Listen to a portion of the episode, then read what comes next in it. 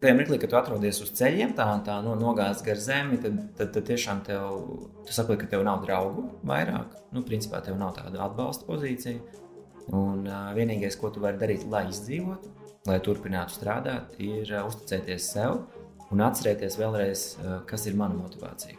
Kas, kas esmu es, ko es gribu mākslā izdarīt. Mums reāli trūkst līderi Latvijā. Uh, Uh, un tas ir lielā mērā saistīts arī ar mūsu mentalitāti, ar mūsu audzināšanu, ar kaut kādiem tādiem audzināšanas atavismiem, kas joprojām velkās mums līdzi. Ar domu, ko kaimiņš padomās, un, un, un, un ko viņi pateiks, un kā, kā tas izskatīsies no malas. Ja? Un šī filozofija ir ļoti degradējoša un ļoti bremzējoša. Jo patiesībā, tad, kad mēs neuztraucamies, kā mēs izskatīsimies citu cilvēku priekšā, kad tik mēs tur nekļūdāmies, kad mēs uh, atstājam brīnišķīgu iespēju par sevi Tas viss ir tikai fokus uz mums. Bet patiesībā komunikācijas rūpējos par, par savu partneri, par, par publiku, par, par to cilvēku, ar ko es kā, runāju.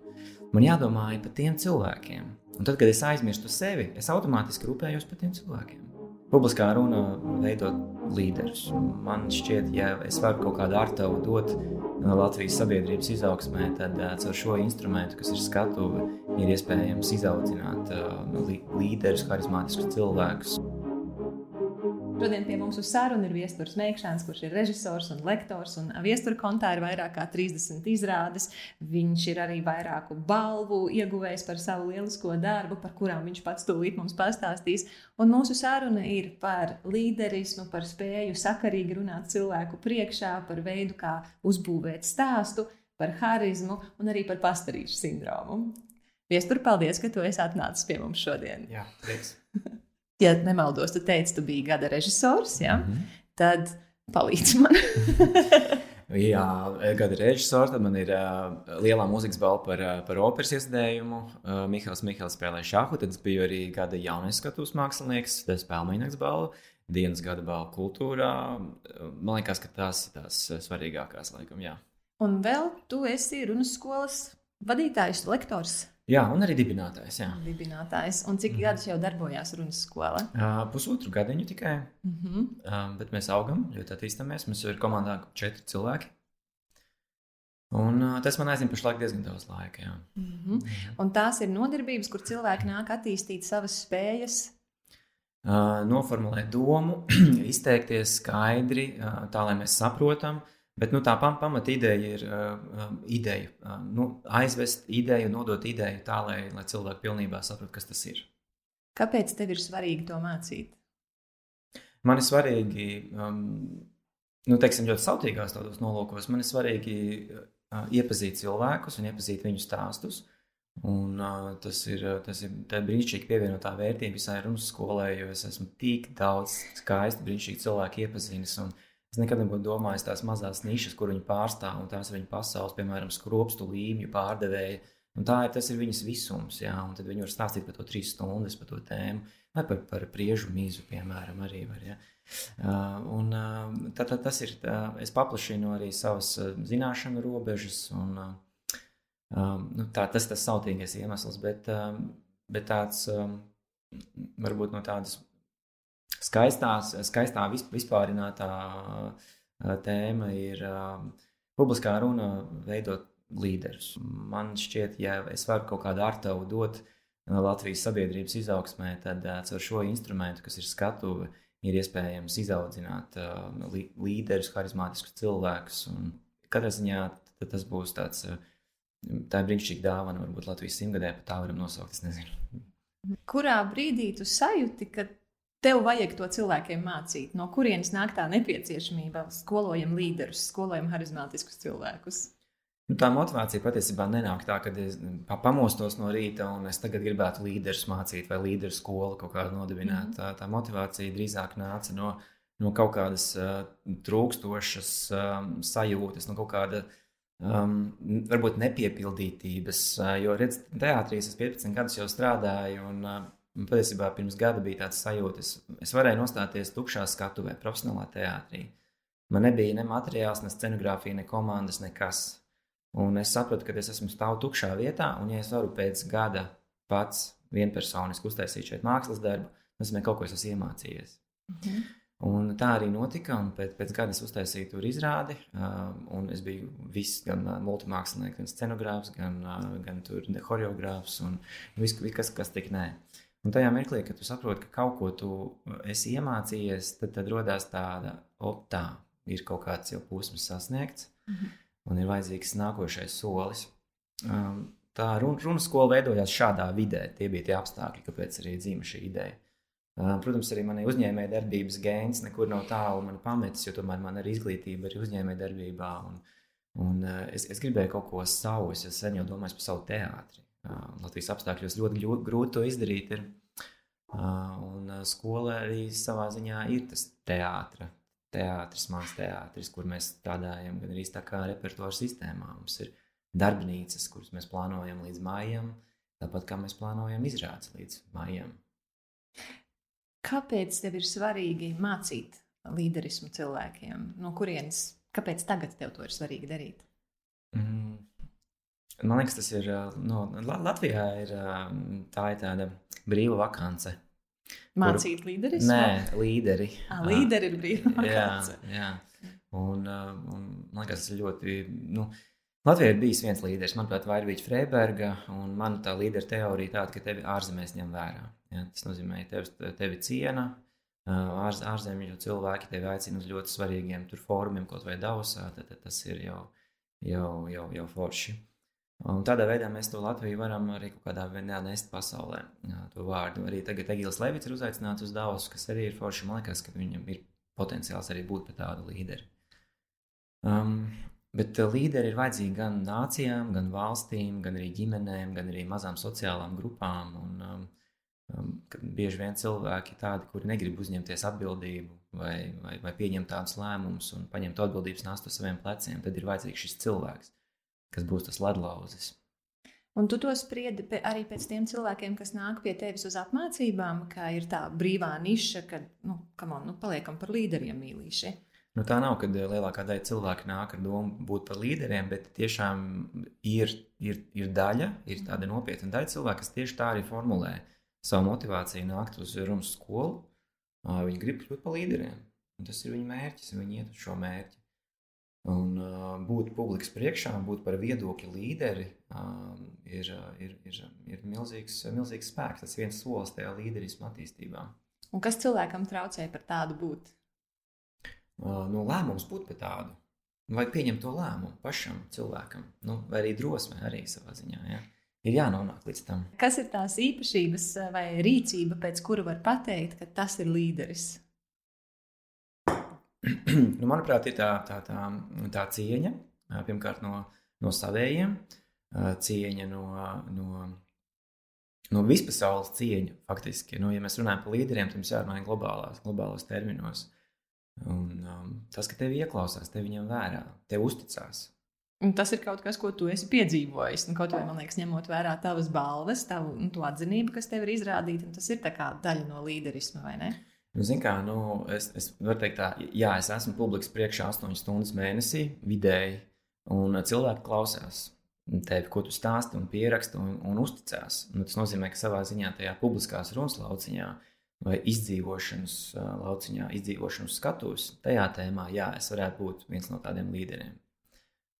Un tagad skatoties uz atpakaļ, kur tu biji cilvēks, kurš sāka, nu, kā parasts cilvēks, sāk mm. kaut mhm. ko darīt. Kas ir tas, ko tu sev teiktu attiecībā uz līderismu? Ko tu gribētu, lai tas agrākais viesturs, nu, jo viņš agrāk to uzzinātu, jo viņam labāk? Mm. Īpaši tajos brīžos, kur viņam tavs tagadējā šīs dienas viestura padomus būs ļoti noderējis? Mm, Ziniet, kā man liekas, ka uh, kaut ko darīt ātrāk, man, man negribētos savu iepriekšējo teiksim, 15 gadu atpakaļ to viesturu kaut kā pamācīt, darīt savādāk, jo bija ļoti svarīgi šī 15 gadu pieredze, um, krist un klupt un, un, un mācīties no kļūdām. Un, un, um, drausmīgās, tur pieļaut milzīgas, milzīgas kļūdas, pēc tam, pēc tam izrāpties un atkal ieraudzīt kaut kādu virsotni. Tas viss, ļoti, tas viss bija ļoti nepieciešams, lai, lai, lai, lai iemācītos to profesiju un lai es varētu pilnīgi droši stāties cilvēkiem priekšā un astoņas stundas stāstīt viņiem, kas tas ir skatuvi un kā uzvesties un kā runāt. Jo vajadzīga ir tā pārliecība. Man tiem 15 gadiem es jūtu, ka man ir, man ir tā zināšanas, un es esmu pārliecināts, ka viņas strādā. Un tu pieminēji, ka vajadzēja tev tās kļūdas, lai iemācītos. Jā. Vai tu vari padalīties, kas ir tās kļūdas, kas varbūt toreiz bija nepatīkamas vai kā, mm. bet tāpēc, ka viņas bija, tagad tu kaut ko spēj vai zini krietni labāk? Tad, nu, kas tā bija par kļūdu un kas tāpēc jā. mainījās, ko tāpēc ieguvi? Nu, vai, vai to mēs varam saukt par kļūdu, drīzāk uh, drīzāk par nemācīšanu. Nu, jebkurš cilvēks kaut kad nu, sākumā rāpo, un tad viņš mācās staigāt. Jā, tad, protams, mēs krītam un ap, apsitamies kaut kur. Un tas pats ir arī jebkurā profesijā. Manā profesijā tās, tās kļūdas vai nemācīšana izpaudās pirmkārt darbā ar aktieriem. Un tad es jūtu to, to šausmīgo negatīvo reakciju, ka tas režisors ir briesmīgs un tā tālāk. Ja? Un tad man jātiek galā ar to psiholoģisko zupu. Uh, un uh, tad ir uh, neveiksmīgas izrādes, tad atkal ir kaut kāds veiksmīgs izrādes. Tad ir mācīšanās no kritikas, kas ir ļoti spēcīga teātris vidē un mākslas vidē, jo tā ir nu, pēdiņā. Ir pat profesija. jā, tā ir, tā ir profesija, jā, un, un tas ir viņu darbs kritizēt, un bieži vien tā kritika kļūst emocionāla un ļoti personiska, kas ir attālinās no tās profesionalitātes kategorijas. Un tev vienalga jātiek galā ar to, ar to visu procesu, un, un tad vienalga tu lēnā garā nepadodoties, uzaudzē to, to, to, to vajadzīgo filtru. Un, un mācies nevis skatīties un ņemt vērā to, kas notiek ārpasaulē, bet uh, vērst to skatījumu uz iekšpusi. Un tad tu ieraugi to īsto savu to talantu, sūtību un uh, īsto motivāciju, kas man ir jādara. Viestur, vai tu vari minēt kādu piemēru, kur tu saņēmi kritiku, bija baigi draņķīgi? Kā tu spēji pēc tam ar to kritiku apieties, ko tu tāpēc ieguvi? Jo es vienkārši zinu, ka cilvēki mācās tieši no piemēriem, tieši Jā. no tiem dzīves stāstiem. Tas lūzuma punkts man, man visticamāk, bija pēc, pēc izrādes Ričards III. dēls teātris Lielā zāle. Es savā ziņā tiku iemests tādā ļoti nepateicīgā situācijā, kad kāds cits režisors atteicās no šī materiāla. Man piezvanīja Džilingers un teica, vai es negribētu pārņemt to, to, to materiālu. Un Šekspīrs, Ričards III ir uh, sarežģīts darbs, viņš nav populārs darbs. Viņš nekad, es nevaru iedomāties, kā viņu iestudēt var vispār populārā veidā, lai cilvēkiem viņš patiktu daudziem. Un es uzņēmos vienalga šo, šo uzdevumu, tāpēc, ka diezgan ambiciozs biju un gribēju, vēl joprojām esmu, un, un, un vēlējos vienkārši izmēģināt spēkus dēls teātros skatus. Es strādāju pirmo reizi dēls teātra aktieriem. Process bija labs, bet tā izrāde tika iznīcināta. Un tad, tad tas ir īstais, precīzais vārds. Ir, Kā tā, notika iznīcināšana? Nu, tā, tā kritika, un tad vēl bija Normons Naumans, kurš bija tāds kritikas no, tāds līderis tajā laikā. Nu, vienkārši uh, nolika ma manu ieguldījumu šajā izrādē. Kā, um, Nu, es neatceros tos vārdus vai epitētus, bet es tieši gribēju prasīt. Tu gribēji, ja? Tur tieši jāpa, tas, kas tev tur paņēma riktīgi tā sāpīgi tajā. Nu, katrā ziņā viss vis tika uzbūvēta, tā kritika tika uzbūvēta tā, ka tas, tas mans ieguldījums ir, ir, ir absolūti nekāds, un, un viņam ir žēl aktierus. Ja? Nu, tā noformulē domu, kas tas bija ļaundars. Jā, viens sakot, pateikt, pasniegts, ka tas cilvēks ir ir speciāli gājis tur un darījis ļaunu. Mm -hmm. Apmēram tā. Nu, tajā sakot, brīdī, kad tu to izlasīji, jā. uzzini. Un Nē. visi citi izlasa. jā, ne, tur arī bija rezonance, un, un, un tur bija tas tika tā diezgan publiski pasniegts. Un katrā ziņā tajā mirklī, kad tu atrodies uz ceļiem, tā, tā no, nogāzts gar zemi, tad, tad, tad tiešām tev, tu saproti, ka tev nav draugu vairāk. Nu, principā tev nav tāda atbalsta pozīcija. Un vienīgais, ko tu vari darīt, lai izdzīvotu, lai turpinātu strādāt, ir uzticēties sev un atcerēties vēlreiz, kas ir mana motivācija, kas, kas esmu es, ko es gribu mākslā izdarīt. Un, un tikai tur. Jā. Es tev varu palūgt, bišķi lēnāk, iet tam ceļu procesam okay, cauri. Tagad tu esi saņēmis to drausmīgo recenziju. Okay. Citi viņu arī ir izlasījuši. Tur, kā tu teici, jā. ir vēl rezonance. Tu tagad, es nezinu, pamosties no rīta, jeb noliec to avīzi un saproti, ir tā situācija. Nu, apraksti to ē. Nē, nu, pirmais, nu, zin kā. Uh, Tad, kad tu pats izlasi, tad tu saskaries ar to šausmīgo recenziju, un tad kā viss kārtībā paiet pāris dienas, un tu saproti to mērogu, kā tas ir pieņēmis, un tas cilvēku viedoklis. Um, nu, un, um, un kolēģu teiksim, tāda līdzjūtība, kas vēl padara visas tās krāsas, sab, sabiezina. Jā, jā, jā. Uh, un, uh, un tad uh, Tu vienkārši jūti vidi, tu jūti mm, savu, teiksim, to, ka cilvēki mēģina nerunāt par to tēmu ar mani, bet, bet nerunā tāpēc, ka vienkārši viņi negrib varbūt kaut kā to uzjundīt, to, to lietu, un tas paliek vēl arī trakāk. Um, tas, ka ir tas zilonis istabā, par kuru neviens nerunā. Jā, jā, jā, jā. Bet tā. kas darās tavā galvā? Nu, teiksim, tās domas, kam tu toreiz gāji cauri? Mm. Nu, tā kā pēc kaut kādas uh, sporta spēles zaudēšanas, nu, tu esi zaudējis. Tev jāpieņem šis, mm -hmm. šis zaudējums. Uh, cieņpilni vai ne, necieņpilni, vienalga kā, bet tu esi tā, tā zaudētāja sajūta, ir tu esi viens. Tā ir vientulības sajūta nu, mm pēc būtības. Nu, tad tu dzīvo ar to, ar to vientulības sajūtu un ir iekšējo monologu, ko tu sev iestāsti. Tad nu, tā ir atkarīgs arī kā turpinās to ceļu. Un cik ilgs tas laiks bija? Nu, parasti, parasti šie triecieni, tie pirmie triecieni, kad tu vairs nevari naktīs gulēt, ir kaut kādi trīs dienas, ir tas, tas trakākais posms, un pēc tam jau tu aizmirsti lēnām, tas viss tā kā nogulsnējās. Jo ne, tas, tā ir tāda jā, cilvēks labā īpašība, ir īsa atmiņa. Un, un ne, tikai, ne, ne tikai man, bet arī sabiedrībai ir īsa atmiņa. jo nākošās jā, kritikas par kaut ko citu. Nē, nu, bet tas ir teātris fenomens, un pēc pusgada uztaisīs labu izrādi, un atkal viss tev ceļš saulītē. Un, Tur vienkārši tas and down princips ir, ir, ir, ir mūžīgs. Un... un tā kritika tev nāca pēc tam, kad tu biji saņēmis balvu, ja tā bija pirms tam? Tā bija pēc tam. Un tad nav tā, ka tas ir vēl sāpīgāk, jo tikko kā tevi atzina par labu, un tagad bams. Tur bija vēl, uh, nē, nu, tur, tur, tur tas. Uh, Tad man būtu jāaiziet cauri tām visām izrādēm. Es esmu iestājis 30 izrādes, un tur faktiski tas, tas, tas it kā veiksmīgākais posms bija 9. un 10. gadā, kur uh, kur lielāko daļu no visām tām balvām tad, tad es ieguvu. Un, tad bija tāds kritums, nu, tā var to nosaukt. It kā tāda, tāda, tāda neveiksmju sērija, varbūt tā to var teikt, vai arī nepārāk spilgtu izrāžu sērija. Uh, bet uh, es tagad neatceros, vai man bija pirms Richarda 3. Man liekas, ka man bija tā veiksmīgākā opera bija tieši pirms Richarda 3. Man liekas, tā bija. Mm -hmm. Un par to es dabūju tā kā labākās operas tur arī balvu. Un, uh, Tā kā nu, drīzāk ir tā, ka tas, tā nav, tas nav tāds depresīvs stāvoklis, bet nu, tā, tā sajūta, ka liktenis tev iedod kaut ko. Aleluja, reku tev ir pati foršākā balva, tu esi laimīgs, tu esi operās lielās skatus, saka pateicības runu, un pēc tam tev pasaka, nu tā patika, un tagad atgriezīsimies vienā citā situācijā, un tad tev noliek tu pilnīgi tur. Un tas, ko tu iemācies no, no, no, no tādām situācijām, ir nepieķerties, Tad nesapriecāties, ja nedzīvot tajā, ka nu tik viss būs augšā zirgā. Ja? Ne, nepieķerties veiksmai. Kā, kā tu to dari, ka tu nepieķeries veiksmai? Kā tas izpaužās tavā domāšanā, rīcībā? Es vienkārši zinu, ka tas viss ir pārējošs. Vienkārši mana pieredze 15 gadu laikā ir tāda, ka nav nekad bijis tā, ka visu laiku ir tops, nav nekad bijis tā, ka visu laiku ir ēle.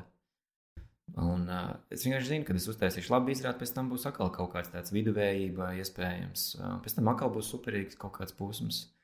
Sakot, ir, un, un, un tas ļoti palīdz, tas nomierina. Tā, tā atskāršana, viņa, viņa ir ļoti tāda svētīga. Jo tu vienkārši koncentrējies uz savu darbu, uz profesionalitāti, es vienkārši koncentrējos uz, nu, uz sevi, uz tiem savām, savām īpašībām, kuras es gribu izlikt, savām idejām, kuras es gribu izlikt. Nevis uz balvām, nevis uz uh, kritikām. Un tu teici, tajā brīdī ir ļoti svarīgi, lai tu atceries, kas tu esi un kāpēc tu jā, to vispār dari. Jā. Vai tu vari pateikt, kāpēc tu to dari? Mm.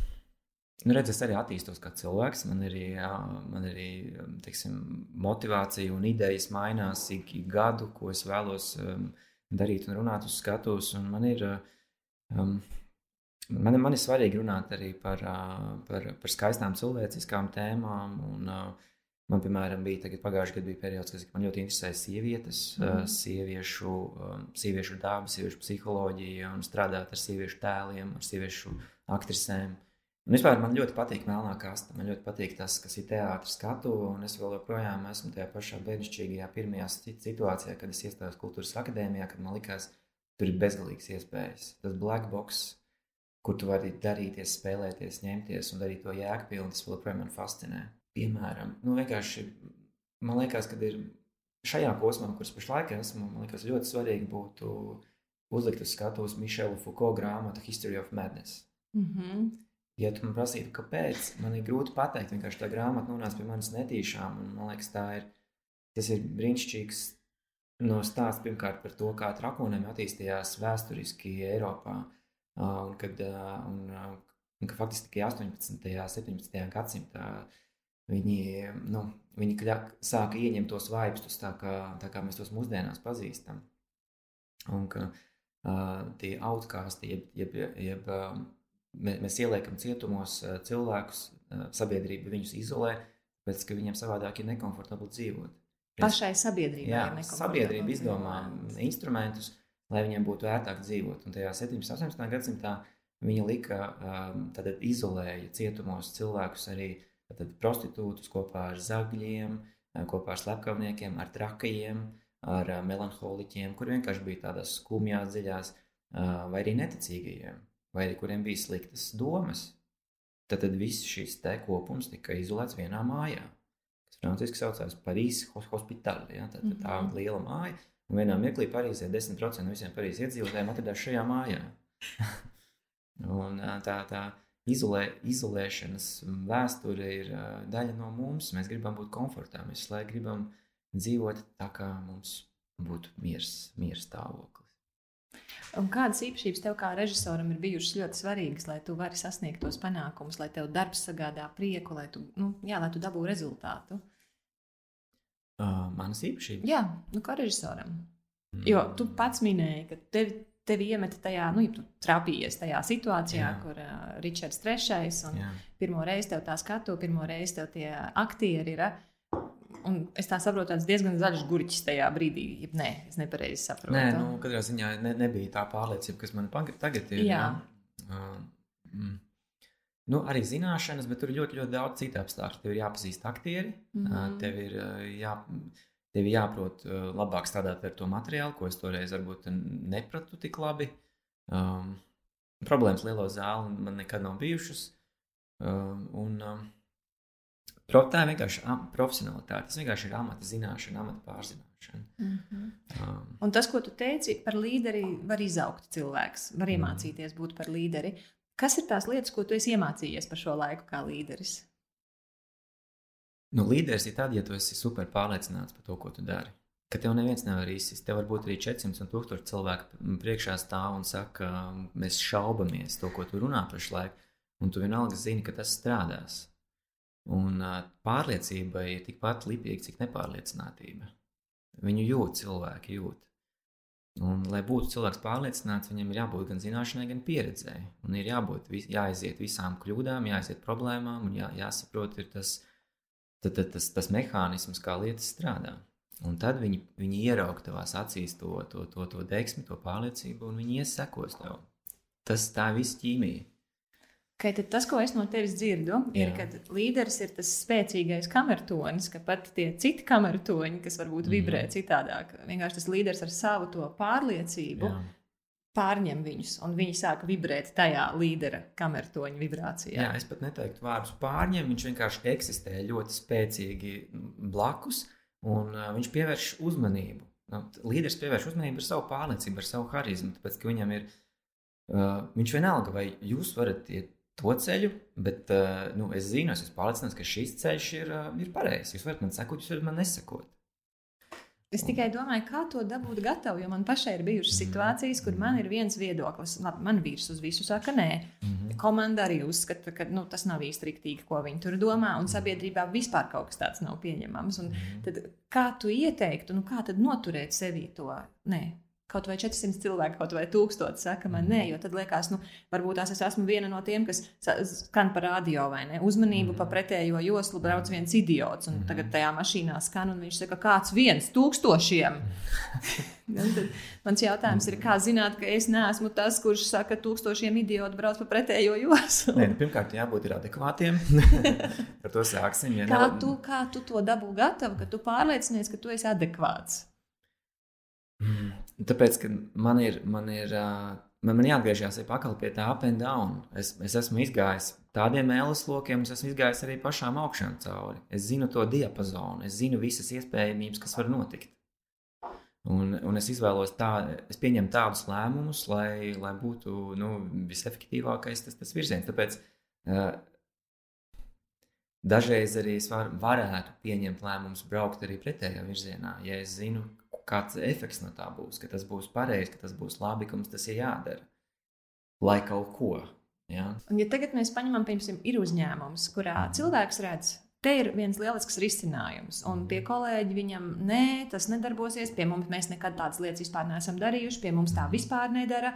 Vai tur sākās tādas iekšējās politiskās spēlītes, kur katrs to deķu savu pusi rauj? Nu, kāds būtu tavs ieteikums tādam cilvēkam, kā spēt saglabāt gan to savu pārliecību, gan to savu spēku un turpināt darīt lietas uz priekšu? Nu, pirmkārt, arī jāizvairās no komunikācijas problēmām, jo tie konflikti nekur pie labi nenovedīs. Un ir vajadzīgi arī parā, parādīt paraugu vai piemēru. Uh, un, katrā ziņā nu, cilvēki nav stulbi. Nu, viņi, viņi redz, viņi redz ka, tas, ka tā, tā ticība nav fanātiska un, un ka mēs ka tā ir tā, tā žānas dara, kas mēs, eh, ja mēs, mēs jūtam, ka viņi ir pilnīgi traki un nojogusies, tad varbūt arī labāk nevajag sekot, jo būs baigās nepatikšanas. Uh, Otrkārt, arī jāmāk ir pārliecināt. Un tur viss vis, vis ir tā, tā amplitūda. Tev jāmāk ir noformulēt uh, savu domu, tev jāmāk ir viņu pasniegt. Ja tu ne, nevarēsi normāli 400 cilvēkiem izstāstīt, kas ir tā virzība, uz ko mēs ejam, nu, tad, protams, tu arī racionalitāte nepieslēgsies, un neviens tev tāpat nenoticēs. Nepietiek vienkārši, ka tu izēj un stāvi ļoti pārliecināts. Tomēr ir jākomunicē arī. Un kas ir tās lielākās komunikācijas problēmas, ko tu redzi? Vienu tu minēji, cilvēks nemāk noformulēt domu. Kāpēc cilvēks nemāk noformulēt domu, un kā viņam iemācīties noformulēt domu? Nu, es, es, es pieļauju, tas, ka nu, vienkārši nav, bijuši, nav, nav bijusi tāda uh, prakse, regulāri, labi noformulēt domu. Vienkārši ir jāpiespiežās un jā, jādzird sevi no malas, kā es runāju, kā es izsakos. Protams, ir bailes un visādi psiholoģiskie apsvērumi, kas mūs sit ārā vienmēr, vai arī ir tādi priekšnieki, kuri, kuriem ir teiksim, viņa balss vai viņa runātājs, nu, kurš, kā, kā tas saucās, tas mēdīju cilvēks, ja, kurš manā vietā visu izsakās. Protams, tu nekad neattīstīsi savas prasmes, ja tavā vietā kāds cits runās. Tas ir jādara, tā ir praksa, tas ir amats. Un kā to varētu ikdienā cilvēks darīt, lai vispār nokļūtu līdz tai līderu pozīcijai? Nu, ir, ir, ir, ir, ir jāmācās. Uh -huh. Jāatnāk uz runu skolu un jāstāsta, kā to dara citi. Un, un, un jādzird sevi no malas. Un, jo, jo kā mums ir tā, tiksim, tāda grupa nodarbības, kur desmit cilvēki nepazīstam viens otram, viņi arī skaidri un gaiši. Tad arī vai nu viņi saprot, ko tu viņiem stāst, vai viņi nesaprot. Tad tas, ko tu saki, ir jāredz to citu cilvēku reakciju uz Jā. to, ko tu stāsti. Ir jājūt Jā. auditorija, ja es pareizi Jā. saprotu. Jā. Ir jājūt reakcija, un ir, ir, ir visu laiku um, ir tikai jāčeko. Kad, ja tu, ja tu jūti, ka uzmanība sāk pazust, tas nozīmē, ka tā tekstuālā vieta bija nepareiza, viņa ir jāņem ārā vai jāizmaina kaut ko foršāku. Un kā cilvēks, kurš teiksim, savā kolektīvā kaut ko stāsta citiem, vai nezinu, viņam tur ir liela sapulce, kur ir jāprezentē, vai viņam nezinu, kaut kāds pārdošanas, nu, kaut kāds pārdošanas notikums, kur, piemēram, konferences sēž zālē 200 mm. cilvēki, pēc kā viņš var pateikt, ka uzmanība pazūd? Nu, pēc tā, ka mēs vēl velkam ārā telefonus, jā, nu, tas, vai, jā. vai, vai, vai vienkārši enerģijas līmenis sāk zust, un tad cilvēks skatās vai pa logārā. Nu, to, kad ir forši nedalīta uzmanība, to mēs visi zinām, kā tas ir. Ka tev ir pilnīgi, jūti, visas acis ir uz tevi un viņas ir fokusā. Un tas fokus ir ļoti spēcīgs un ļoti stiprs. Viņš kā tur tevi. Un, kad tas magnēts ir nospriegots, ka tā saikne starp tevi un auditoriju ir tāda kā violas stīgas, kuras var spēlēt mūzikas instrumenti, tad ir pareizi. Mm, bet, teiksim, nav uzdevums noturēt 90 minūtes šādu spriegumu. Vienkārši tas nav iespējams. Ir, tur tā sāka, sākās jau tās publiskās runas māksla, kurām ir līdz spriedzi mazināt kurām mirklī iedot cilvēkiem attēlpas iespēju vai kaut kā savādāk informāciju uztvert. Un te jau veidojās jau šis mākslas process. Mm -hmm. Un kas ir tas, kad nospriegot to, to stīgu, ar ko to dabūt gatavu? Nu, vislabākais mehānisms ir stāsti. Uh, un stāsti vienmēr strādā. Un stāsts nenozīmē, ka uzreiz tev jāstāsta 20 minūšu garš stāsts kaut kāds, vai tur homērs, tur, jā, tur uh, eposi kaut kādi jāstāsta. Ja? Um, 15 minūšu garā runā var ievietot trīs stāstus. Viņi var būt mikrostāsti no 30 sekundēm, bet ir jāzina, kā viņi ir uzbūvēti. Ir jāzina, kas ir tie stāsta pamatprincipi. Jo bieži vien arī stāsti sabrūk. Un mēs uz, uzmanība, uzmanība pazūd arī it kā stāstot kaut ko ļoti intriģējošu un ļoti svarīgu. Kas ir tas, kas nobrucina uzmanību tā stāsta laikā? Nu, piemēram, pārāk ilga uzkavēšanās kaut kādās nesvarīgās detaļās. Tas, ka mēs nedodam un nepaskaidrojam, kas ir galvenais varonis, ka mums jāsako stāstā. Tā, mēs vienkārši nepasakām, ko tas varonis grib. Jā, jo mēs sekojam viņa motivācijai, viņa gribai. ka nepietiekami daudz šķēršļu vai problēmas ir šīs gribas sasniegšanā. Ja? Un tad veidojās jau šie pamatprincipi, ko, ar ko būvē filmas Holivudā. Tā ir vienkārši elementāra teorija, kur vienkārši vajag ņemt vērā, un tad, tad tā informācija paliek daudz interesantāka, daudz aizraujošāka. Un to mēs darām storytelling darbnīcās. Mm -hmm. mm. Nu, man ir bijis tā, ka uh, man ir jāstāsta stāsts, un mm -hmm. man mhm. patīk stāstīt stāstus. Bet man pats lielākais pārbaudījums ir atlasīt, kuras detaļas ir kā, arī nu, vajadzīgas, un kuras detaļas ir liekas detaļas. Jo pirmkārt, man no sākuma vienmēr liekas, ka visas detaļas Jā. ir svarīgas. Un pēc tam, tad, kad man tur sāk kritizēt, tad, protams, es sāku atmest tās detaļas, un beigās es atmetu svarīgas detaļas. Mm. Kā tu ieteiktu tam, kuram vēl nav bijusi iespēja atnākt līdz tevīm, un kurš sāksies janvārī, bet tam cilvēkam ir jāiet un tagad jau jādara nu, vismaz kaut ko, kā viņš var atlasīt tās pareizās detaļas? Nu, pirmkārt, ir jāizvēlās viens galvenais varonis. Tad būs viens cilvēks vai cilvēku grupa, uh, kuram mēs sekosim. Mhm. -huh. Ja jums uzreiz uz papīra liek, liekot, ir nē, mēs esam divi vai trīs, tad tur jau ir problēma. Okay. Parādīsies pirmā problēma. Un kā uh, viņu atrisināt? Vienojieties, kas būs tas viens. Pieņemat lēmumu, kad būs viens. Bet tos pārējos tā kā kancelē, ja? Nu, viņus nevajag svītrot ārā no teksta, vienkārši mēs liksim mazāku akcentu uz viņiem. Mm. Viņi var piedalīties. Tas ir Tas okay. tā kā, tā kā ir trīs cilvēki, kas iet, bet kamera iezūmo uz to jā, vienu. Jā, nu, -hmm. piemēram, ir arī, kad mēs esam pludmalē, un tur ir pludmale nomīdīta ar miljonus pēdām visādām, ja, tad mēs nevaram, protams, visu to filmēt un, un domāt, ka skatītājs tagad sapratīs tā rakstura kaut kādu, katru to raksturu. Nē, mēs paņemam vienu pēdu un ejam cauri, bet, protams, mums blakām ir miljonus citi cilvēki. Nu, tas ir tas pamatprincips. Mums ir fokus. Tas mm -hmm. ir mhm. uzmanības fokus. Tad labi, tas viens, ko tu teici, ir izvēlēties vienalga, cik grūti, kurš te ir galvenais varonis. Jā. Un kārtām detaļām. Nākošais ir, nākošais ir, ko viņš grib. Jā, jāsaprot, ko varonis grib. Un tas jāpasaka uzreiz stāstā sākumā. Un te man liekas, tā lielākā problēma būs daudz ko. Nu, viņam būs kaut kādas trīs, trīs idejas, kas, ko viņš grib dabūt gatavu. Nu, piemēram, palikt bagāts, apprecēt princesi jā, jā. un vēl pierādīt tēvam, cik viņš ir labs, vienalga par kuru dzimumu runājot. Lūk, un šeit arī jākal, tā ir otrā problēma. Jā, tad autoriem vienkārši nesapratīs, kam mums jāsako līdzi, un līdz ar to arī tā uzmanība sāk zust. Ir, ir, mēs sekojam vienai motivācijai, vienai vēlmei. Mēs esam tartu, Un mēs gribam nokļūt smiltenē, tāpēc, ka smiltenē man brālēnam ir kāza. Bet man nav naudas, kā lai es to izdaru. Ja? Tad, tad ir problēma uzreiz nodefinēt un, un kaut kāds uzdevums. Um, viens varonis, viens uzdevums un, uh, un izšķēršļi šī ceļa laikā. Labi. Un kādiem ir jābūt tiem šķēršļiem, lai auditorijai būtu uzmanība? Absolūti neiespējamiem, maksimāliem. Jo lielāka pretestība, jo, jo interesantāk. Bet tad nebūs tā, ka cilvēks uzpūtīs nedabīgu stāstu. Un es esmu bijusi un redzējusi mhm. šādus stāstus, kā piemēram, jā, un tad saprotiet, man nomira vēl mans suns. Nu, man kā cilvēkam, kam nu, tie suņi bijuši, nebijuši labi, ka citiem cilvēkiem ir, man, nu, un. Jā, jā. Nē, nu, ja tas tam, tam sunim tur tiešām nav nekāda loma, tur tajā stāstā tad tiešām būs nulles sajūta, bet, uh, um, bet varbūt tas. Um, Bija, patiesībā bija viens stāsts par nomirušu suni. Sakot, ir, bija tāds suns vārdā Bū, un tur bija stāsti par to, ka uh, viena meitene, 18 gadus jauna meitene, dodas uz Londonu pirmo reizi mūžā. Pēc vidusskolas beigšanas viņa grib vienkārši kaut kādus kursus apmeklēt. Viņai ir mīļš suns vārdā Bū, un viņa aizbrauc uz Londonu kopā ar to suni. Un suns ir 60 kg senbērnārs. Viņa vien pati dzīvo Londonā šajā dzīvoklī. Uh, un tas suns paliek, ja pirms viņa nav kur vēst. Viņa atgriežas, nu, kāds divas, trīs dienas paiet, viņa atgriežas mm -hmm. no, no, no saviem kursiem mājās. Un jūt kaut kas dīvains, ir noticis. Suns vairs neskrien pie viņas pie durvīm, nu, tā kā parasti tas notiek. Viņa iet dzīvoklī, skatās istabās, viņa sauc to vārdu un neatsaucās nekas. Viņa iet dziļāk un redz, ka suns guļ.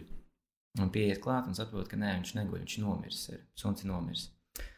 Un tad uh, viņa, viņa pilnīgā nu, histērijā, nu, ko, ko man tagad darīt. Es esmu 60 kg senbērnāru, pilnīgā nekurienē, pirmo reizi mūžā. Kaut kā, kaut kā jātiek galā ar to suņu līķi. Uh, naudas nav. Uh, viņa zvana ap, apdīšanas birojiem, tur ir indieši, ind, indieši angļu valodā kaut ko stāsta, ko nav iespējams saprast.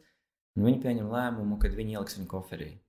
Viņi iepako koferī un vedīs pati uz to apdīšanas biroju, jo vienkārši izsaukt ir daudz dārgāk. Un tas ir viņa tagad viena pati 18-gadīga meitene ar to koferi, iet tur lejā uz, uz, uz metro, un uh, viņai vienkārši pieklājīgs uh, jauns vīrietis uh, piedāvā palīdzību. Nu, protams, tur ir neiespējama misija vienkārši.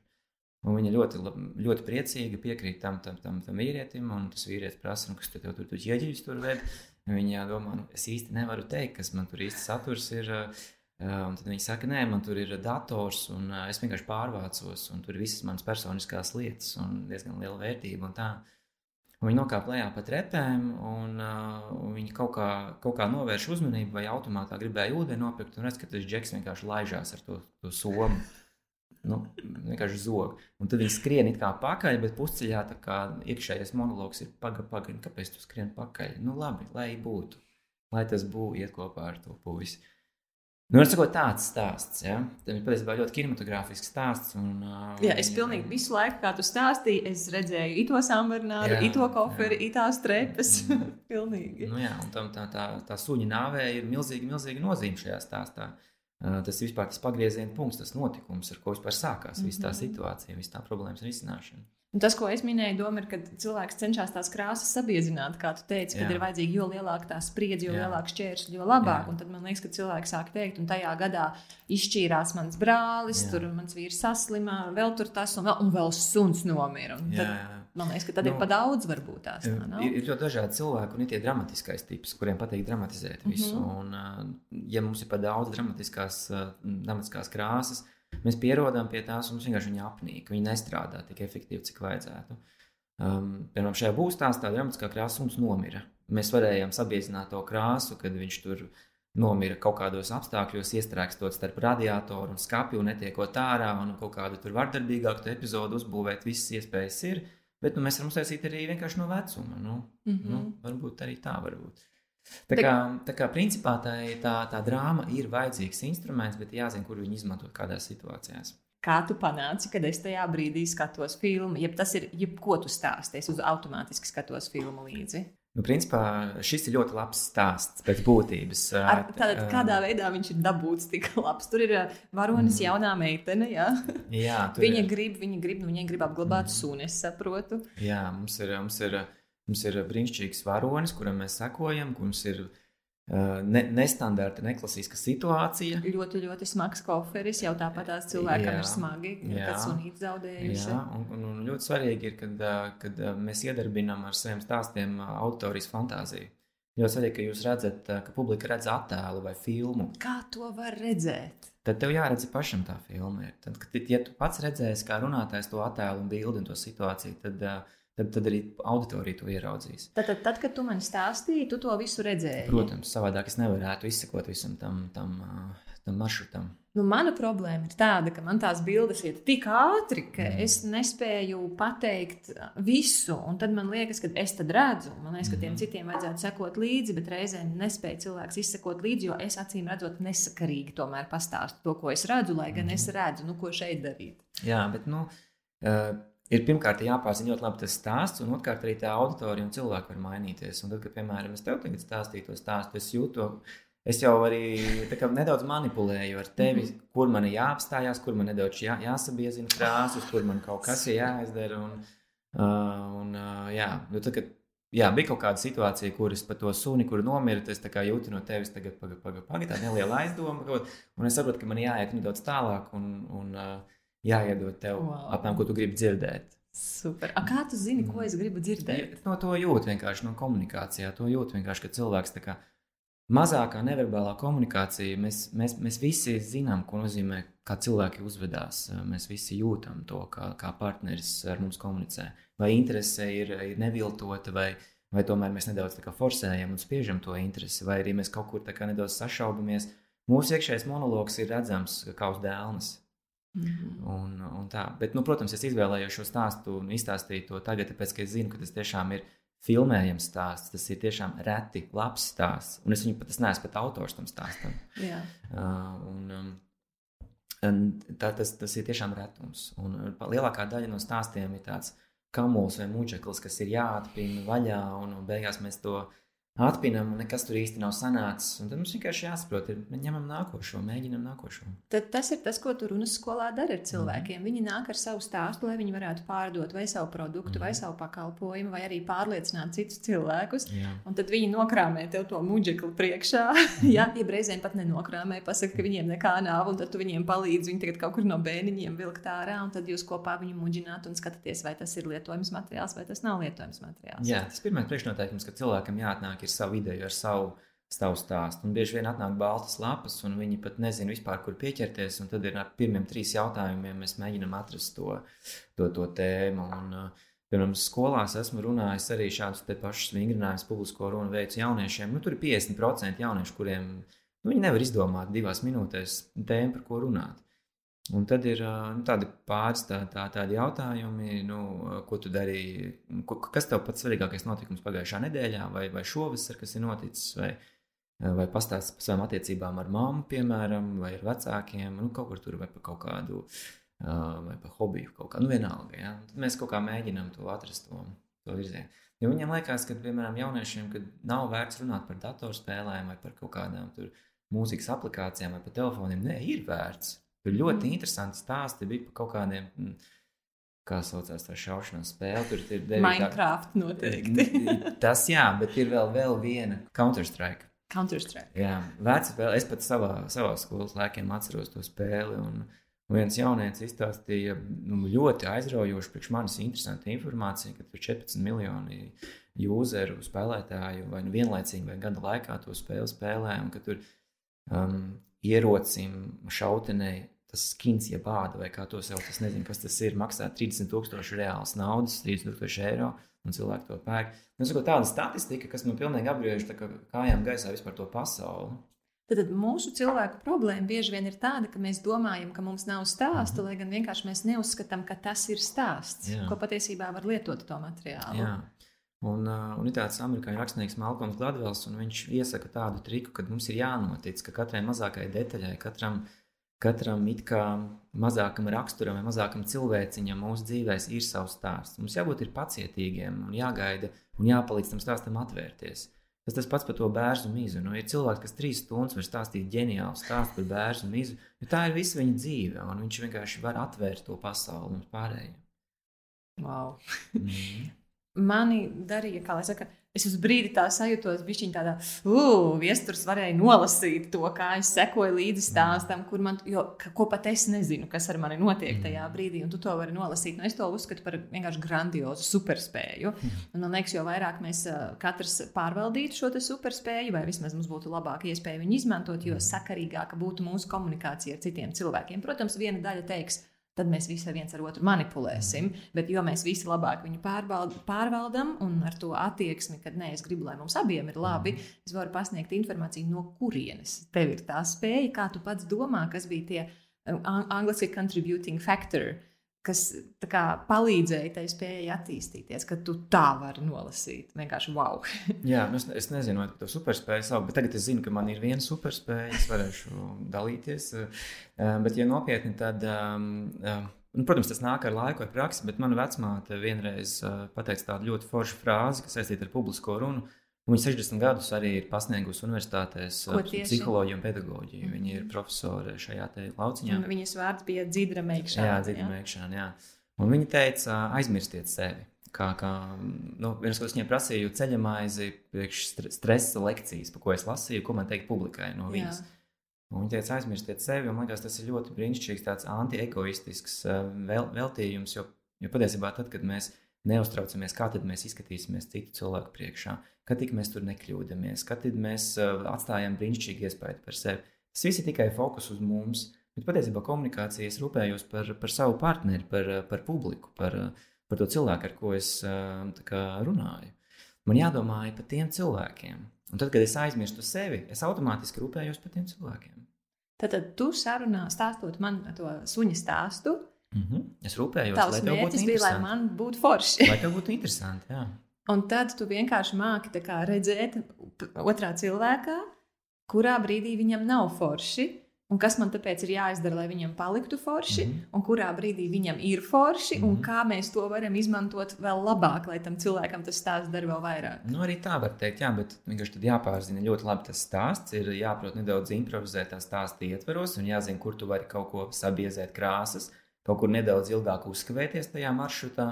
Jo, piemēram, šodien es, es diezgan ātri pārskrēju trepju epizodē, varbūt parasti es tur ilgāk uzkavējos. Es varēju vēl vienu tēlu pielikt klāt, vai varēju liftu pielikt klāt, ka lifts vēl nestrādāja, tāpēc viņiem pat repēm jākāp lejā. Nu, cikot, ir ļoti daudz dažādas, dažādi vēl mehānismi, ko es varu stāstīt, tā lai tā intriga vēl augtu, augtu, augtu. augtu ja? um, bet uh, patiesībā jā, tā ir neverbālā komunikācija, kuru mēs, mēs visi ļoti labi jūtam. Tā atslēga, ja es pareizi saprotu, Mhm. ir, ka tu šo stāstu labi zināji. Jā. Un tāpēc, ka tu viņu labi zināji, tu varēji pilnībā pievērsties man. Jā, tieši tā jābūt ir, uh, stāstam, vai jebkurai runai jābūt jums refleksos. Jums ir jā, jums, jūs nedrīkstat tērēt enerģiju, atceroties tekstu. Jo tad sanāk, tas ir tas brīdis, kur cilvēks pazaudē auditoriju, tāpēc ka viņš ir savā galvā un cenšas uzbūvēt to tekstu, un attiecīgi viņš vienlaicīgi ir ļoti grūti vērot auditoriju un sadarboties ar auditoriju. Jā, tieši tā. Un tad arī tas fokus ir uz iekšpusi, un tad veidojās tas tāds, tāds bloks iespējams ja, starp, starp tevi un auditoriju.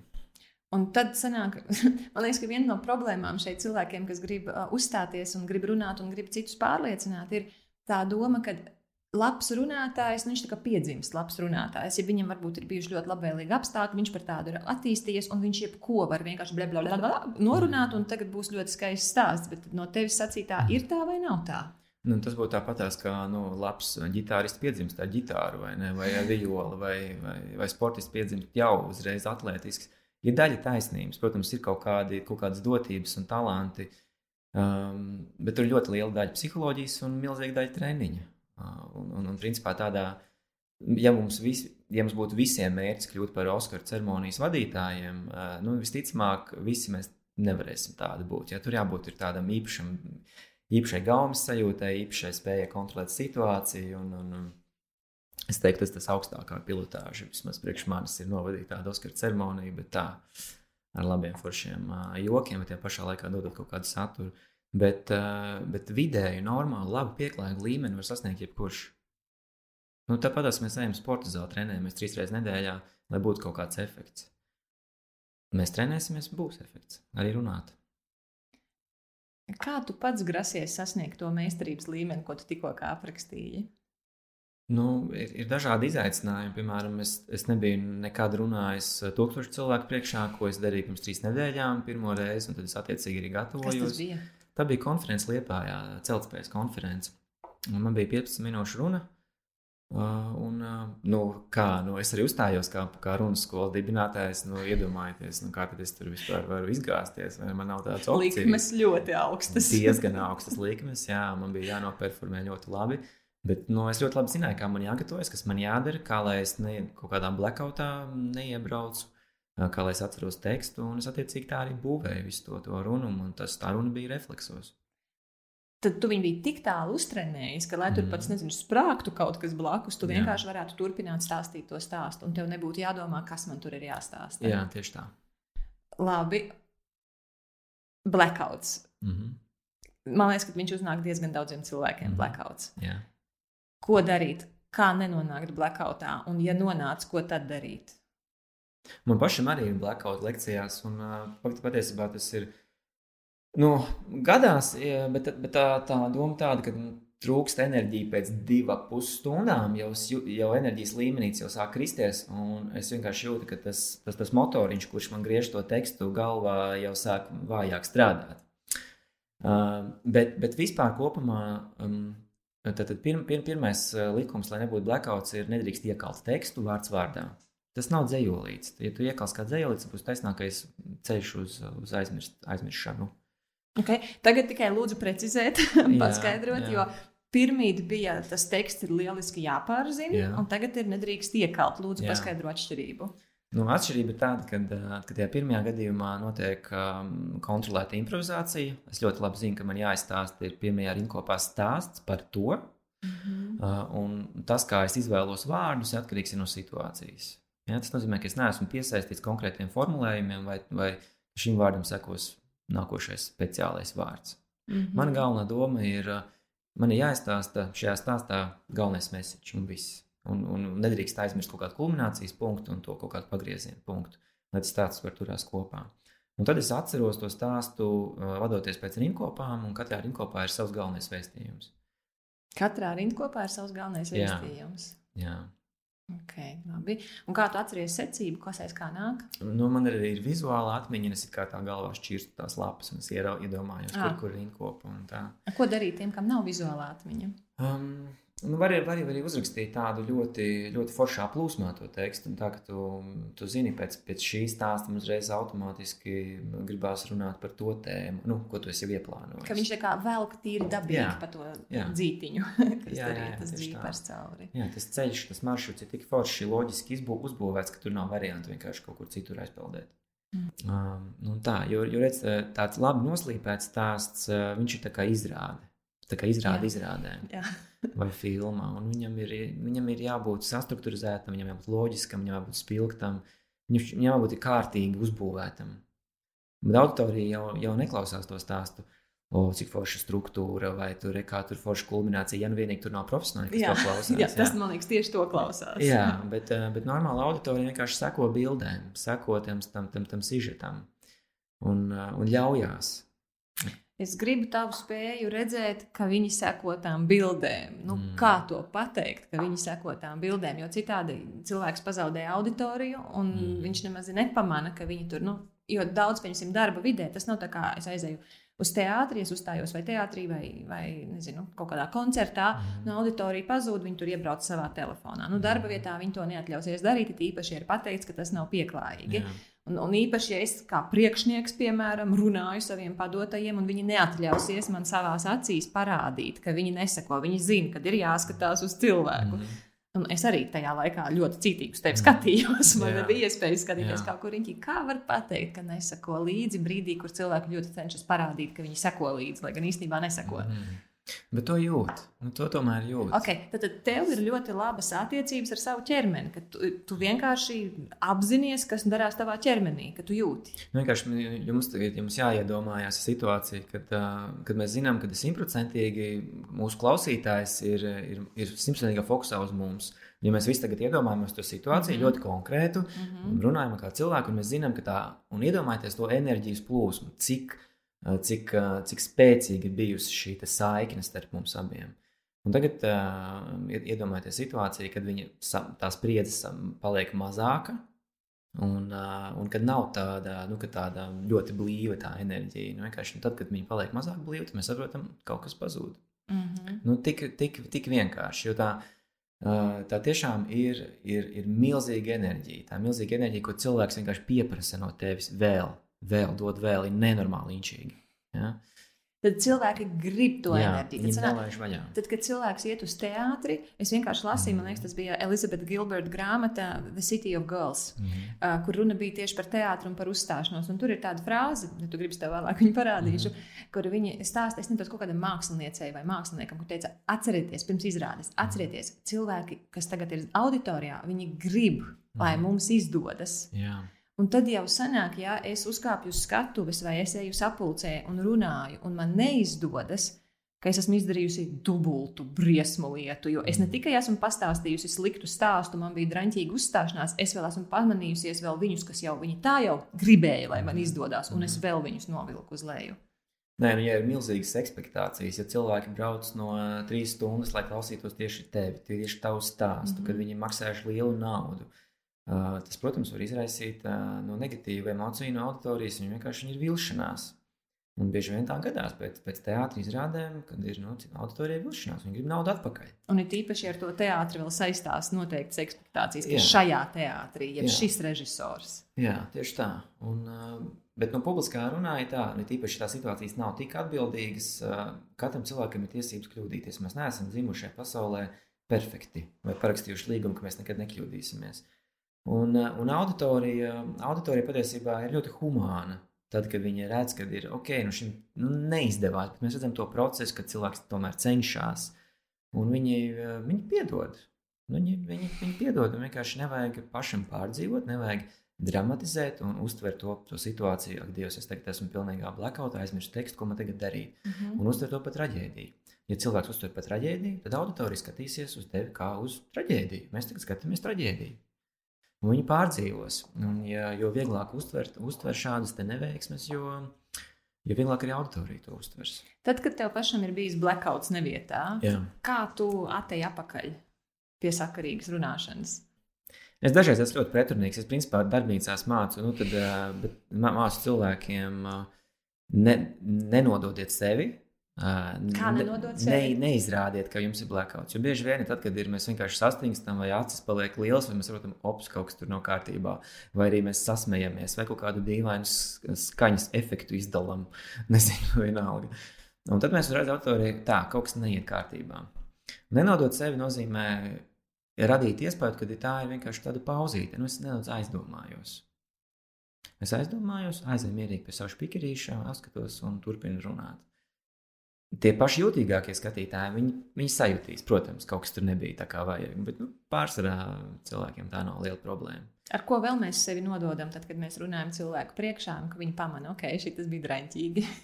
ar, savām, ar savām ļoti neveiklajām uh, pozām, kādās mēs nostājamies. Var parādīt, kā viņi izstāsta, nu, sēžot vienīgi. nu, nu, nu, es, es, es varu aprakstīt, tas, kad cilvēki ļoti bieži um, neredz sevi no malas un nostājās, piemēram, miksiņā, kājas iksā. Nu, viena pāri otrai, nu, vis, visnestabilākā poza vispār, jā. kāda var būt. Uh, tad ir um, cilvēki, kas vienkārši šūpojas Un tā, tā šūpošanās izskatās tā, ka tāds um, bērns guļamistabā viens pats pirms, pirms miega tādā transā viņš ieiet, bet mēs to nejūtam arī no malas. Tas uztraukums tādā veidā tulkojas. Uh, un tad mēs apķeramies, Aha. Sargājam sevi. Kaut kur pieķerties. Jā, jā radikālākie varianti ir ar nagiem skrāpēt savu ādu. Okay, tādas nezināju. jā, vienkārši dara sev pāri. Nu, kaut kāda tāda sāpes, iekšējās mocības izpaužās uzreiz, kad mēs redzam. Vai mm -hmm. arī pie fizioterapeita ir laužam rokas. Ah, okay. Bet tā, ka tu redz, ka tā, tā, tā, tas vairs nav. Mm. Veselīgi. Tas vairs nav veselīgi. Labāk apstājies, jā, gribas teikt cilvēkam. Nu, un tad ir vēl tādi visādi pārspīlētas lietas, kā ļoti ātra gestikulācija. Nu, tāda, kad ir, nu, es pat tagad nevaru parādīt, bet nu, tā, ka tas traucē klausīties tekstu. Mm -hmm. Un dažreiz ir cilvēki, kas ar plecu pagriežās un runā un ļoti aizdomīgi vērā to publiku, kas tie tādi, tur tādi, tikai nedariet man pāri. Un kā iegūt vispār spēju nu, būt vaļā uz auditoriju? Tādā pozā, kā auditorijai ir viegli mani klausīties. Nu, ir, ir, ir jāiemācās, un, kas tas vispār ir publika, kas tas ir grupa ar cilvēku. Un, un ir jāpierod. Protams, tas nav iespējams, kad mēs nostājamies pirmo reizi mūžā 500 cilvēku priekšā. Mēs vienkārši nomirsim tur. Nu, tad, tas nav veselīgi to darīt. Un, ja jums kādreiz to piedāvā, tad vienkārši nedariet to. Jo vajag iet solīt pa solītam. Diviem cilvēkiem, trīs cilvēkiem, desmit cilvēkiem vajag audzēt pakāpeniski šo tevu savu auditoriju. Un tad lēnām garā iemācīties, ka tas daudzgalvenais monstrs, kas tā arī izskatās, ir tāds teātris termins, ka publika ir daudzgalvenais puķis vai monstrs. Mm -hmm. uh, un tad lēnām garā pēc 10, 20 reizes saprot, ka, kā viņš runā, ko viņi grib dzirdēt, kāda ir tā humora izjūta, ka patiesībā viņi grib komunicēt. Tas tikai ir uh, nedaudz savādāks dzīves organisms, ar kuru man tagad jāiepazīstās.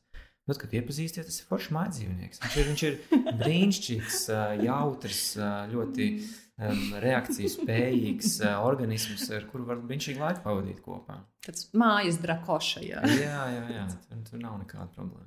Tas, ko tu minēji, kad nav jēga auditoriju visu 25 minūšu garumā noturēt tajā trakajā spriedzē, mm. ka viņus vajag palaist vaļā un tad atkal vajag nospriegot. Un vienkārši man tikko pirms tevis bija saruna ar Kristīnu Valodi, protams, ka par seksu. Mm. Un mēs runājām par baudu. Viņa aprakstīja vienkārši to nu, nu, seksuālo baudu, ka nu, nevar tikai nospriegot, nospriegot, nu, tas uzbudinājums, uzbudinājums, uzbudinājums, un beigās viņi saka, ka var sanākt šausmīga frustrācija. Mm. Un nevar tikai atslābinājums, atslābinājums, atslābinājums. Tur viss jāizmiega beigās. Un, tā, kā viņi teica, tas būtiskais ir tā spēle pa vidu starp to mhm. uzbudinājumu un starp to atsl atslābumu. Lai viņš tā kā, nu, kā tāds dans, un viņš iet ar vien mhm. trakāk. Un tagad es, grib, es tā saprotu, ka tā runa principā ir tāds seksu skatuves bez seksa. jā, mēs varam arī tādu analoģiju atrast, jā, tas līdzīgi. Mm, jā, jo tā uz, uzmanības, uz, uzmanības posms ir 18 minūtes, un tas ir tikpat garš, cik TEDx runas patiesībā. Skaidrs. Un, un pēc tam 18 minūtēm ir jārada kaut kāds mehānisms, kad mēs to spriedzīt nedaudz ņemam nost. Jo vienkārši tas cilvēks nespēja ilgāk noturēt uzmanību. Un tas, tas foršs, tā, tā, tā, tas mehānisms ir, mēs iedodam kaut kādu kulmināciju, iedodam maksimālu spriedzi, atkal atlaižam, uh, uzdodam kādu jautājumu, parādām kaut kādu video, kaut kādu vieglāku informāciju, un pēc tam atkal gatavojam nākošam uzrāvienam. Un ko nozīmē gatavot nākošam uzrāvienam? Kā tieši gatavošana? Es saprotu, ka tur Jā. būs uzrāviens, bet kā noris gatavošana? Tātad radīt intrigu publikai, ka tu līdz sekos kaut kas vienreizējs. kā to dabu gatavu? Es teiktu, līdz jūs uzzināsiet uh, trīs veidus, uh, kā padarīt sev par miljonāriem. Zini, man reizēm, nu, es saprotu, kur ir vieta, kā to dara pareizi, bet man reizēm besīja ārā, kad man atsūta ziņu, vai es, teiksim, skatos nu, kaut kādu video, nu, kurš kādam tur sekoju. Un, Man ir tādi jaunumi. Drīz es jums varēšu pastāstīt, drīz es jums Jā. varēšu pastāstīt. Mēs jau, nu, nu, tu, vai nu tu stāsti jaunumus, vai, jā. vai netērē manu laiku. Jā, jā, jā. jā. Um, nu, arī tas ir gaumas jautājums, kā, kā, kā to katrs cilvēks dara. To, to intrigu var raistīt ļoti, ļoti organiski un ļoti gudri. Tā kā mums nebūs ne mazākā sajūta, ka kāds, kāds kaut ko grib mūs apmānīt jā, ar, ar lieko fake intrigu, piemēram. Patiesībā ir viena vien tā, tā, tāda metode, ir sākumā padalīties problēmā, atrast, uh, izstāstīt par problēmu. Mm. Tā lai auditorija piekrīt, ka tā problēma vispār eksistē un runāt par to kaut kādas kaut vai desmit minūtes, par to problēmu runāt, un vienalga, cik, cik, cik gari vai īsi. Un tad publikai automātiski radās tā nepieciešamība atrisināt to problēmu. Un tad viņi kā, nu, lūdzu, dod risinājumu. Viņi pati pieprasa iekšēji. Un iekšēji viņi gaida. Jā. Un tad, jebkas, ko tas cilvēks uz skatuves vai mm. priekšā dara, tā auditorija jau tā kā pievelkās. Jā. Te beidzot būs, mm. beidzot es uzzināšu. Tas saucās tāds zinā, zināšanu plaisa. Tas ir tāds komunikācijas termins, tāds knowledge gap. To, tā, tā, tā ir tāda pārdošanas, pārdošanas mehānisms, ka mēs sākumā izstāstām problēmu, mums jāatrāpa tā klienta problēma lokā, un viņš sāk pieslēgties, un jā, man ir tāda problēma, un tad ir, kur ir izcinājuma iespējas. Super. Mm. Un labu runa nevar atdalīt no harizmā, harizmas, no harizmātiska cilvēka. Un tad, kad mēs runājam ar tevi pa telefonu, tu teici, ka harizma ir kaut kas tāds, ko katrs var iemācīties. Nu, kas ir tā pamatā, lai cilvēks var būt harizmātisks cilvēks, harizmātisks runātājs? Tas tāds ilgtermiņa process, to harizmu nevar iemācīties vienā dienā vai pat varbūt uh, pusgadā. Um, un, um, harizmas definīcija pēc būtības ir pār, pārliecības iegūšana. Tad, tad ir jānotic tam, tam savam spēkam. Mēs atgriežamies pie, pie mūsu sarunas sākuma. Un uh, ir, ir jānotic sev, jānotic tam, ka tas, ko es darīšu, ir pareizi.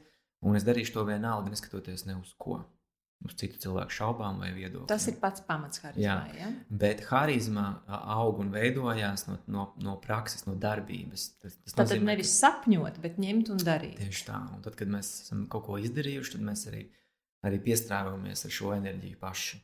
Tas bija tas, ko tu teici par sevi. Man Jā. ir gana daudz izgāšanās, man ir gana daudz panākumu. Un tāpēc mm -hmm. es jau zinu, kas būs, es māku paredzēt, un tāpēc mm -hmm. man ir pārliecība. Jā. Iekšā. Jā, tieši tā, es esmu jau tam izgājis cauri. Mm. Un tu minēji, ka ir ļoti svarīga šī pārliecība par sevi. Tu pirms tam minēji arī Malcolmu Gladwell. Vai mm -hmm. tev ir kādi ieteikumi avotiem, kur cilvēki var, nezinu, vai grāmatu lasīt, vai nu, vēl kaut kur paskatīties kādu video? Kas ir tie autori, ko tu ieteiktu tieši tiem, kas vēlas attīstīt šo pārliecību par sevi?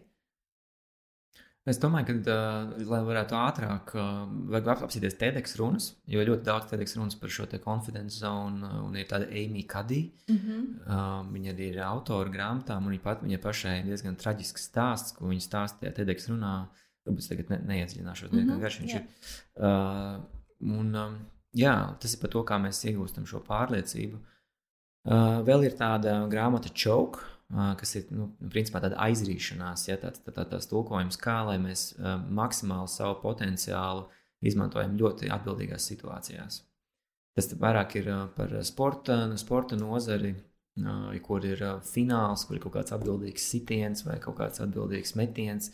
Un uh, cilvēki noraustās no tās atbildības un, un, un, un zaudē. Nu, arī mūsu pašu Mārtiņš Dukurs, kurš ir labākais pasaules skeletonists jau, jau dekādi, Uh, un Olimpiskajās spēlēs pietrūkst minimāli, ka, lai dabūtu to zeltu. Vienmēr, ja kaut, kas, kaut kur viņš tas notiek tā psiholoģiskā aizrīšanās.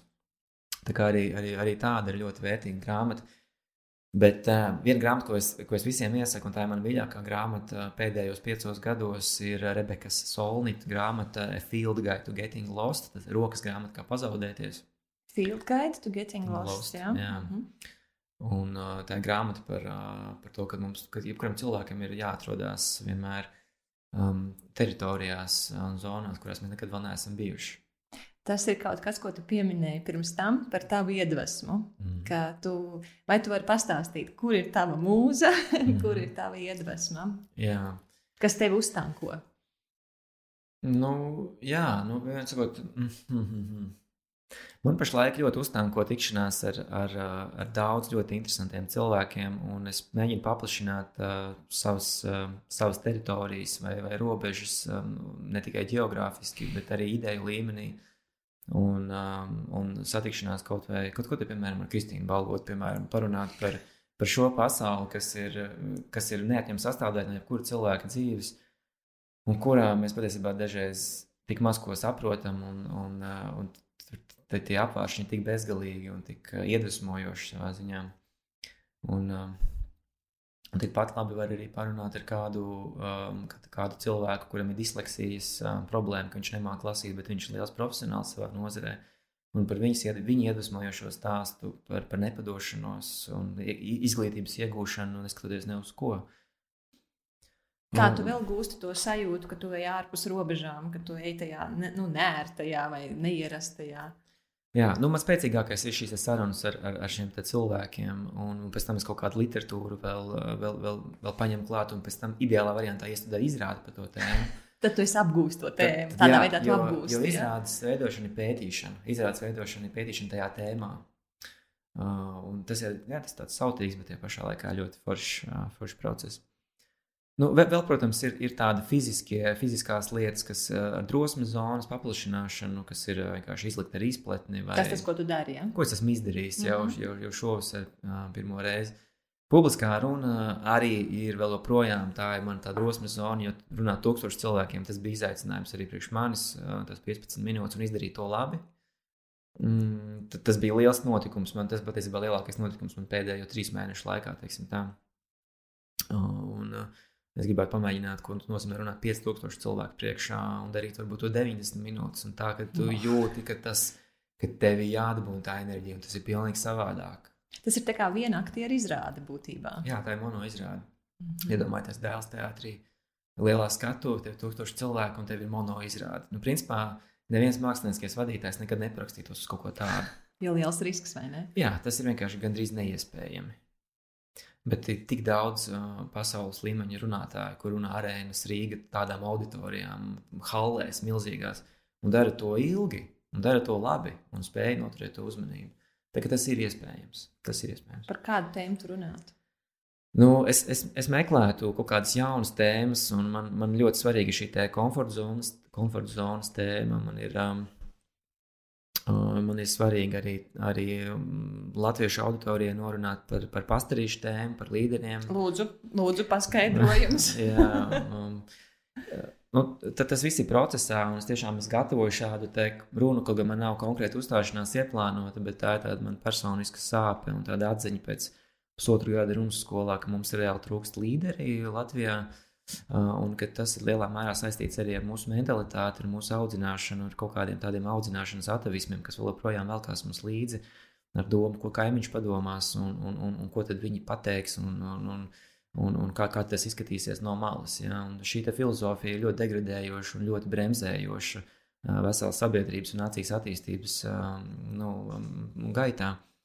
Un, um, ja ir kaut kas labs, ko, ko es varētu teiksim, savu ar tevi likt, tad es, es, es gribētu norunāt runu par šo tēmu. Un viens no tādiem labiem piemēriem ir Bobs Hārtlīs, Latvijas hokeja izlases treneris, mm -hmm. uh, kurš uh, vienkārši trīs gadus atrodas un strādā, es pat teiktu, faktiski tikai emocionāli, psiholoģiskā līmenī ar mūsu hokeistiem.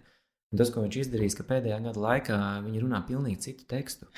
Viņi ir viņi absolūti pēc acīm intervijās ir redzams, ka viņi, viņi runā par medaļām kā par pašsaprotamu lietu ka tas ir absolūti iespējams. Un viņu sniegums laukumā arī to pierāda. Tas, ka mēs neesam netikām pēdējā pasaules čempionātā ceturtajā finālā, vienkārši bija negadījums. Super. Tas, tas, tas, tas, tas vienkārši bija kaut kas nu, netīšām. Tā nav traģēdija. Tas ja? tā vispār nav traģēdija, un mēs būsim tur. Mēs būsim arī finālā, mēs būsim, mēs būsim medaļās. Un tas, ko izdara viena, viena ārzemnieka darbs ar, ar nelielu uh, cilvēku grupu, ar latviešiem, kuri pirms tam ir bijuši šajā abortajā ciklā, ka mēs nevaram, nu, ko tad mēs ar tiem kanādiešiem, nu, tas taču vispār nebūs iespējams. Nu, ja paveiksies, tad zin kā.